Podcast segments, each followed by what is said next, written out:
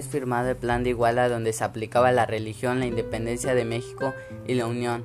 Ante esto ya era un país independiente. México ahora tenía que resolver los problemas que tenía, dinero que debía y estaba en la ruina. México por eso perdió territorios y también por las guerras.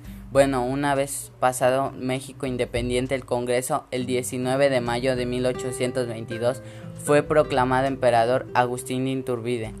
Lo eligió formalmente para jurar su investidura y en diciembre de 1822 Antonio López de Santana proclama el Plan de Veracruz, provocando que los insurgentes con el régimen imperial levantaran armas y pues en febrero se arma el Plan de Casamata, es decir, que se quitara el gobierno monárquico y este fuera una república, pues los Borbones y republicanos apoyaron la idea de quitar a Iturbide. El emperador Iturbide abdica y se exilió en Europa. Concluida la monarquía, los diputados se dividieron en dos, los centralistas y los federalistas.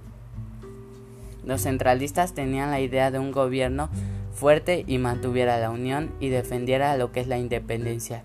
Y los federalistas apoyaban la soberanía de los estados y un gobierno nacional.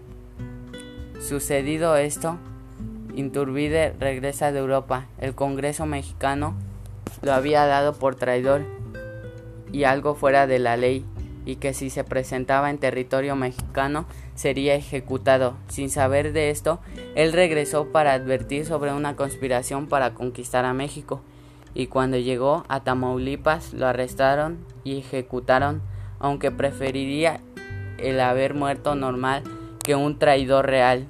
Luego seguido de esto, que se quitó la monarquía, las elecciones, es decir, personas importantes le dieron el cargo como primer presidente a Guadalupe Victoria y el primero en ocupar tal cargo.